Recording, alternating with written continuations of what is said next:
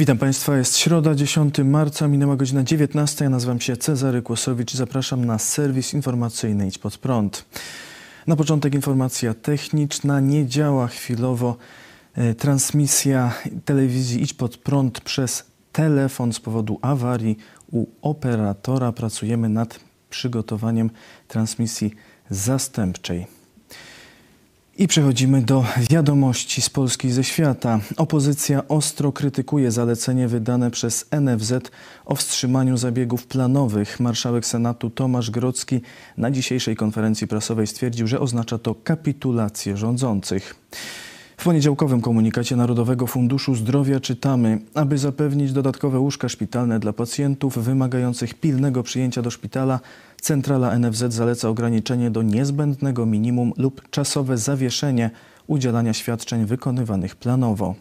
NFZ wymienia, jakich zabiegów wymagających przyjęcia do szpitala szczególnie dotyczy ograniczenie. Chodzi o endoprotezoplastykę dużych stawów, duże zabiegi korekcyjne kręgosłupa, zabiegi naczyniowe na aorcie brzusznej i piersiowej i pomostowanie naczyń wieńcowych, ponadto duże zabiegi torakochirurgiczne, zabiegi wewnątrzczaszkowe, nefrektomię i histerektomię. To jest, proszę Państwa, totalna kapitulacja rządzących przyznanie się, że system padł. Bo po to otwieraliśmy łóżka covidowe, po to miały być otworzone w części ciągle nieuruchomione szpitale dodatkowe, aby inni chorzy, nie covidowi, nie cierpieli z powodu tej pandemii. Ktoś, kto cierpi bóle, bo ma zwyrodnienie stawu biodrowego, ma cierpieć dalej, bo dopiero ten staw musi mu się złamać, kość biodrowa, żeby można go zoperować w trybie ostrym. Zabiegi naczyniowe na orcie brzusznej i piersiowej to są zabiegi, które decydują często o naszym życiu. Czyli co, trzeba czekać, aż ta aorta pęknie, żeby w trybie ostrym ją naprawiać. Każdy chirurg wie, że zabiegi planowe są dużo bezpieczniejsze niż zabiegi wykonywane w trybie ostrym czy w czasie bezpośredniego zagrożenia życia. Umiera nas wszystkich 97% więcej niż zwyczajowo w kolejnych poprzednich latach. Takie są skutki publikowania tego typu zaleceń, które nie są niczym innym jak przerzucaniem odpowiedzialności na lekarzy. Prezes NFZ Filip Nowak argumentował w Radiu Wrocław, że epidemia w Polsce przyspiesza i zwiększone jest zapotrzebowanie na personel medyczny. Niestety epidemia nie odpuszcza w naszym kraju. Wszyscy obserwujemy, że wzrasta liczba zachorowań, a to się przekłada na łóżka szpitalne i przede wszystkim na zapotrzebowanie na pracę personelu medycznego, który może zaopiekować się pacjentami, powiedział szef NFZ. Wyraził nadzieję, że jest to okres przejściowy. Warto zaznaczyć, że cały czas zachęcamy pacjentów do diagnostyki ambulatoryjnej, do innych świadczeń medycznych, np. tych związanych z chorobami nowotworowymi. Tutaj nie wstrzymujemy żadnych przyjęć, nie zachęcamy do ograniczenia, zaznaczył Nowak. Senator Lewicy Wojciech Konieczny, lekarz neurolog, dyrektor Miejskiego Szpitala Zespolonego w Częstochowie podkreślił, że zalecenie wydane przez NFZ jest niejasne i oznacza zrzucanie odpowiedzialności z Ministerstwa Zdrowia na poszczególnych lekarzy. To zalecenie, które jest wydane dla nas, dla lekarzy, dla dyrektorów szpitala, właściwie nic jasnego nie mówi. Mamy leczyć wtedy, kiedy uznamy to za stosowne. No, bardzo duża nowość. Jednocześnie jest zalecenie, że mamy przekładać bardzo poważne, duże operacje, na które ludzie czekają już miesiącami. Za tym zaleceniem idą polecenia wojewodów. Wojewodowie nakazują przywrócenie ilości łóżek covidowych, tych, które były jesienią. To oznacza ogromne pogorszenie dostępności do leczenia. Zalecenie jest ucieczką od odpowiedzialności. Minister nie wydaje rozporządzenia, nie wydaje jasnych kryteriów. Mamy w takiej ilości przyjmować, w takiej nie. Jeśli pacjent będzie niezadowolony, jeśli pacjent będzie czuł się poszkodowany, jeżeli jego stan zdrowia się pogorszy, to będzie miał pretensje do określonego lekarza. a wówczas NFZ powie, no w tym akurat przypadku należało zoperować. Jest to objaw skrajnej niewydolności, no i niestety nieodpowiedzialności, ponieważ nie po to wydajemy setki milionów złotych na szpitale tymczasowe, żeby w momencie, kiedy wreszcie one stają się potrzebne, żeby znowu zwykłe szpitale publiczne, kliniki, inne szpitale miały na siebie wziąć znowu ciężar walki z epidemią kosztem swoich pacjentów. W obronie NFZ stanął poseł PiS Bolesław Piecha, lekarz-ginekolog, który w rozmowie z wirtualną Polską powiedział: Na razie jest to zalecenie, propozycja ze strony NFZ, żeby takie ograniczenia wprowadzić. Fundusz chce tym samym utrzymać gotowość szpitalnych łóżek do przyjęcia pacjentów z COVID-19. Wszystko przez to, że trzecia fala pandemii ma się bardzo dobrze. Piecha uważa, że w przypadkach, gdy można na zabieg poczekać miesiąc lub dwa, szpitale powinny brać to pod uwagę, ale decyzja powinna należeć do lekarzy. Odłożenie planowych zabiegów na lepszy czas jest rozsądne pod jednym warunkiem, mianowicie, że nie będzie to rodziło konsekwencji zdrowotnych, a tym bardziej śmiertelności. Znam wiele schorzeń, jak usunięcie mięśniaków, szyjki macicy czy kamienia, gdzie można ten zabieg odłożyć. Natomiast w przypadku raka szyjki macicy czy w pozostałych sprawach nowotworowych odłożyć się tego nie da, powiedział Piecha. Decyzję NFZ skrytykowała Wić pod prąd na żywo lekarz Małgorzata Kubicka-Frączek. Jedną decyzją arbitralną y, minister Niedzielski y, zatrzymał szpitale. To ja mam takie pytanie, co z jego flagowym, centralizacyjnym zresztą pomysłem szpitali tymczasowych? 11 szpitali tymczasowych, na które poszły ogromne, nasze wszystkich publiczne y, pieniądze. No to jest tragiczna w konsekwencjach decyzja. Potencjalnie przełoży się naprawdę na y, zgony y, wielu, wielu y, pacjentów bo nie każdy może czekać i nawet z tych, które teraz są planowane, na przykład zabiegi kardiologiczne, one za tydzień mogą już nie być planowane, mogą być ostre. W ciągu ostatniej doby z powodu chińskiego koronawirusa zmarło w Polsce 398 osób. To najwięcej od miesiąca. Stwierdzono ponad 17 200 nowych zakażeń, co jest najwyższym wynikiem od 22 października. Łącznie w Polsce z powodu wirusa zmarło już 45 900 osób. W szpitalach przebywa 18 300 osób zakażonych. Do ich leczenia wykorzystuje się obecnie 1902 respiratory, najwięcej od 5 grudnia. W Polsce wykonano już ponad 4 miliony 86 tysięcy szczepień przeciw koronawirusowi. Tylko wczoraj wykonano ich 60 tysięcy. Ponad 1 440 tysięcy osób otrzymało już dwie dawki szczepionki. Stwierdzono ponad 4400 niepożądanych odczynów poszczepiennych. Minister zdrowia Adam Niedzielski przekazał dziś na konferencji w Radomiu informacje o otwartych szpitalach tymczasowych. W tej chwili otwarte są 22 szpitale tymczasowe. W charakterze pasywnym jest 13. Cała skala łóżek, które są w tych szpitalach tymczasowych to ponad 6 tysięcy, z czego aktywnych, czyli nie tylko będących w szpitalach gotowych, ale mających pełną obsadę personelu jest mniej więcej 1700 1800 łóżek, powiedział szef resortu zdrowia. Miejsca pasywne mają być systematycznie uruchamiane. Niedzielski przekazał też, że zawiesił dyrektora szpitala miejskiego w Radomiu, Marka Pacynę, w pełnieniu obowiązków.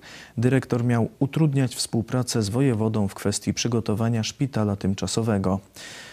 Pan wojewoda Konstanty Radziwiłł przedstawił mi formalny wniosek z uzasadnieniem, w którym odwoływał się do sytuacji, gdzie dyrektor lokalnego szpitala nie wdrażał w życie decyzji wydawanych przez wojewodę w ramach przygotowania szpitala tymczasowego, przekazał Niedzielski. Poinformował, że ustanowił pełnomocnika, którego głównym zadaniem będzie jak najszybsze zorganizowanie szpitala tymczasowego w Radomiu. Wiceminister zdrowia Waldemar Kraska w telewizji Republika mówił o możliwych obostrzeniach na czas Wielkanocy. Wydaje się, że święta nie będą odbywać się tak, jak się przyzwyczailiśmy, czyli w bardzo szerokim gronie rodzinnym. Nie trzeba się nastawiać na normalne święta, będziemy je spędzać w tym reżimie sanitarnym ograniczonej liczbie osób, powiedział wiceminister. Nie wykluczył, że obowiązywać będzie limit pięciu osób w czasie spotkań, ale podkreślił, że decyzja będzie podejmowana tydzień przed świętami.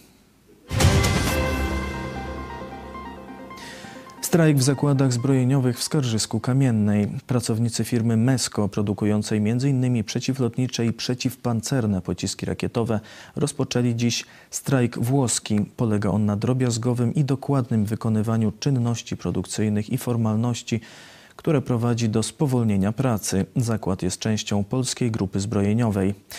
Przywódcy zakładowej Solidarności przekazali, że niedawne odwołanie wiceprezesa spółki było dobrym posunięciem, ale proces zmian nie został dokończony.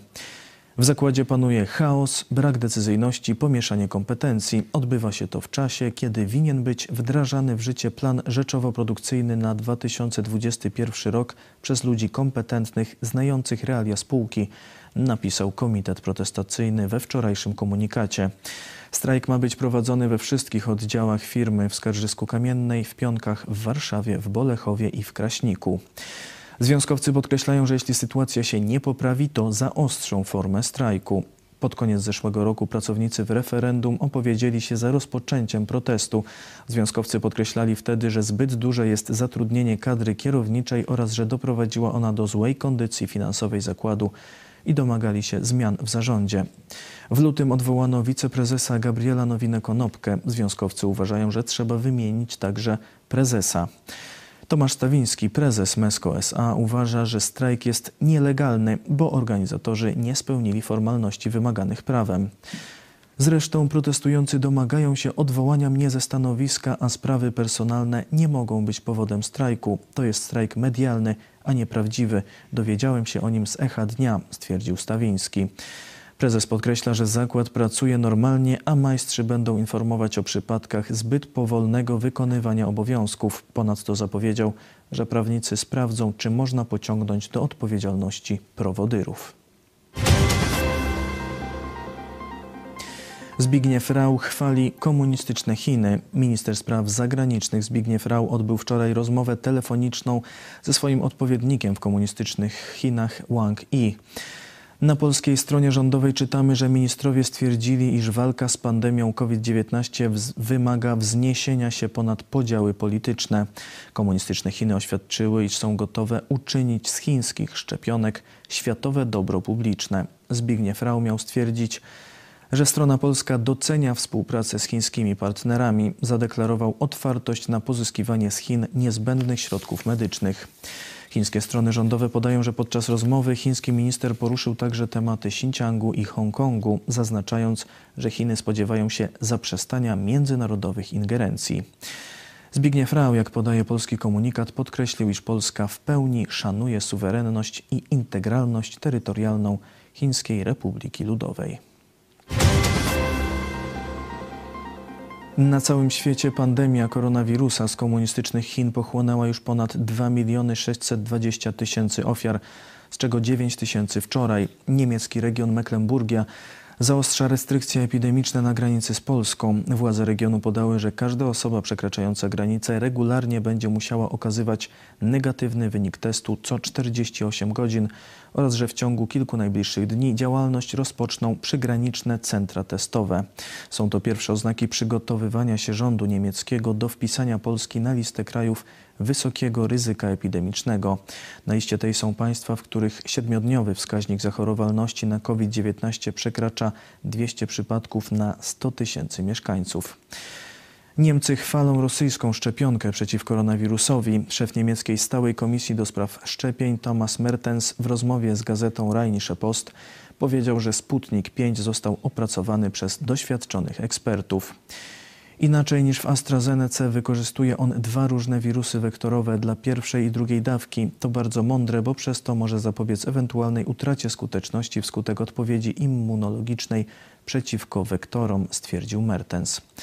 Węgry i Czechy planują nawiązać współpracę z Izraelem w zakresie walki z pandemią koronawirusa. Jutro ma dojść do spotkania premierów tych trzech państw.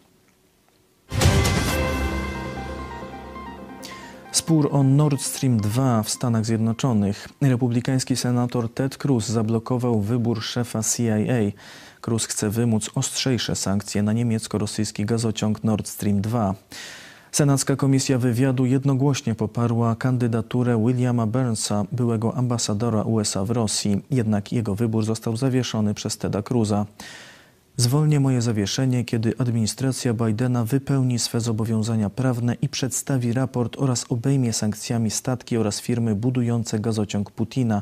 Przestrzegajcie prawa, przestańcie być łagodni dla Rosji, napisał Cruz na Twitterze. Senatorzy zarówno Partii Republikańskiej, jak i Demokratycznej opowiedzieli się za objęciem sankcjami 15 statków wspierających budowę Nord Stream 2, jednak jak do tej pory Departament Stanu wpisał na listę tylko barkę Fortuna. Stan Arkansas zakazuje aborcji. Władze amerykańskiego stanu Arkansas wydały prawo zakazujące aborcji niemal we wszystkich przypadkach.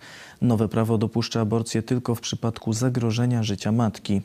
Gubernator stanowy republikanin Asa Hutchinson powiedział, że ustawa miała przytłaczające poparcie wśród posłów oraz jest wyrazem jego szczerych i długotrwałych przekonań o obronie życia. Arkansas jest jednym z 14 stanów, w których ustawodawcy postulują w tym roku całkowity zakaz aborcji. I przechodzimy do wiadomości sportowych. Na trzeciej rundzie turnieju WTA w Dubaju zakończyła swój udział Iga Świątek. Polska tenisistka przegrała z dwukrotną zwyciężczynią turniejów wielkoszlemowych Hiszpanką Garbiną Muguruzą 0-6-4-6. Był to pierwszy mecz między tymi zawodniczkami. Pierwszej porażki doznali polscy piłkarze ręczni w eliminacjach do przyszłorocznych Mistrzostw Europy. Reprezentacja Polski przegrała na wyjeździe ze Słowenią 29 do 32. Porażka spowodowała spadek na drugie miejsce w grupie piątej. Najskuteczniejszym zawodnikiem biało-czerwonych był Szymon Sićko, zdobywca ośmiu bramek. Do finałów Mistrzostw Europy awansują dwie najlepsze drużyny z każdej grupy. Wielkie emocje w rewanżowych spotkaniach jednej ósmej finału Ligi Mistrzów. Do ćwierćfinału rozgrywek awansowała Borussia Dortmund, która zremisowała u siebie z hiszpańską Sewillą 2 do 2. Wynik dwumeczu to 5 do 4 na korzyść Borussii. Do najlepszej ósemki rozgrywek niespodziewanie awansowali piłkarze FC Porto kosztem Juventusu Turyn. W regulaminowym czasie gry Turyńczycy z Wojciechem Szczęsnym w składzie pokonali wprawdzie ekipę z Portugalii 2 do 1, jednak w pierwszym meczu takim samym wynikiem wygrało FC Porto. Do wyłonienia zwycięzcy potrzebna była dogrywka. Obie drużyny strzeliły po jednej bramce i Juventus Turyn w meczu pokonał portugalską drużynę 3 do 2, ale dzięki większej liczbie bramek strzelonych na wyjeździe do ćwierćfinału awansowali piłkarze z Porto. Kolejne rewanżowe spotkania 1-8 finału odbędą się dziś wieczorem. W sportach kobiecych będą mogły współzawodniczyć tylko biologiczne kobiety, ogłosiły władze stanu Dakota Południowa w Stanach Zjednoczonych. Gubernator stanu Christy Noem napisała w poniedziałek na Twitterze, że trwają prace nad ustawą w tej sprawie. W południowej Dakocie świętujemy Międzynarodowy Dzień Kobiet, broniąc kobiecego sportu. Nie mogę doczekać się podpisania ustawy, napisała gubernator. Prace nad podobnymi ustawami ogłosiły w ostatnich tygodniach także dwa inne stany Mississippi i Arkansas. Ustawy są odpowiedzią na decyzję prezydenta Stanów Zjednoczonych Joe Bidena, który niedługo po zaprzysiężeniu wydał prawo pozwalające na udział transpłciowych sportowców w zawodach kobiecych, co daje im nieuczciwą przewagę w rozgrywkach. To wszystko w tym wydaniu serwisu. Dziękuję Państwu za uwagę. Kolejny serwis jutro o 19. Życzę dobrej nocy. Do zobaczenia.